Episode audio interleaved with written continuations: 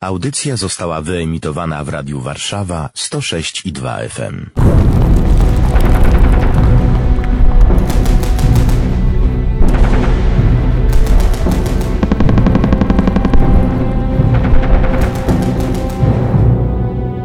Warszawa pamięta! 8 września. Zawieszenie ognia. Eksodus. Tysiące warszawiaków wychodzą z miasta, ale spokój nie trwa długo.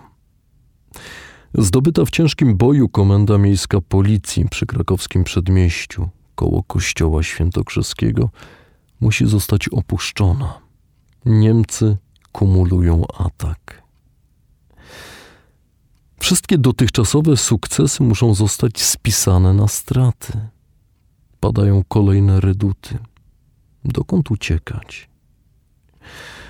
Miejsca wolnej przestrzeni już tak mało, tak bardzo niewiele. Zwracam się do doktora Bartosza Łukaszewskiego, socjologa, badacza powstania warszawskiego. Po pierwsze, czy prawdę powiedziałem, że że wszystko musi być spisane na straty. A po drugie, o ile w sierpniu, pomimo tych wszystkich tragedii, mogliśmy odnotowywać jeszcze kolejne mniejsze i większe sukcesy powstańców, o tyle we wrześniu niemiecka przewaga jest już miażdżąca. Powstańcy tracą kolejne zdobycze, jak rzeczona przeze mnie komenda policji przy krakowskim przedmieściu. Więc to pytanie jest powiązane z tym pierwszym. Czy przychodzą myśli, wszystko to nadaremno? Krew, śmierć, pot, głód, zniszczenie, odwaga, po co?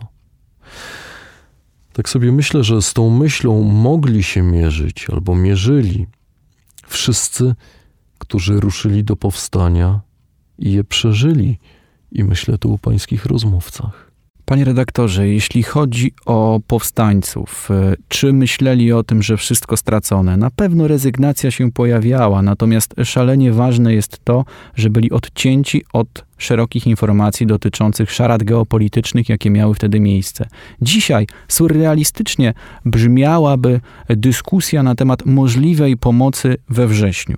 Natomiast powstańcy, widząc nawet niewielkie zrzuty, uważali, że Wielka Ameryka, Wielka Anglia przyjdą z pomocą. Zwątpienie, rezygnacja, rozpacz to również typowo ludzkie emocje, jeśli chodzi o ludność cywilną, związane z zawiedzionymi nadziejami, Wrzesień 1944 roku, podobnie jak i wrzesień 5 lat wcześniej, to niestety dramat osamotnienia.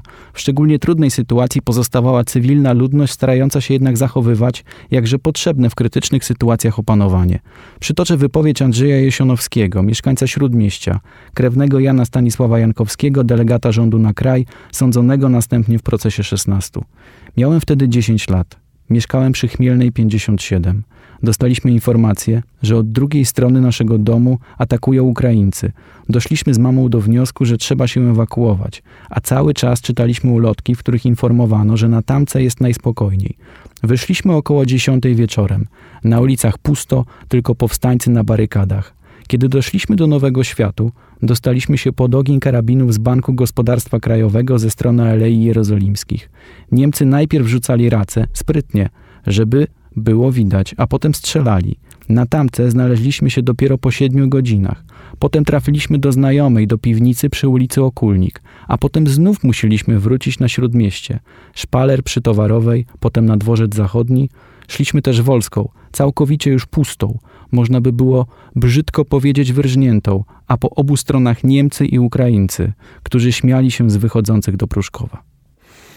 No właśnie, ta, ta droga do Pruszkowa, powiemy o tej drodze, o tym eksodusie przez rzeczywiście wyrżniętą wolę.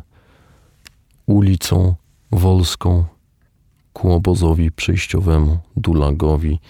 O tym powiemy, ale chciałbym jeszcze nawiązać do tej myśli o Tamce. Rzeczywiście Tamka była do września taką spokojną ulicą, nawet bym powiedział, żyjącą życiem codziennym bardzo bliskim y, czasem życiu w okupowanej Warszawie sprzed powstania.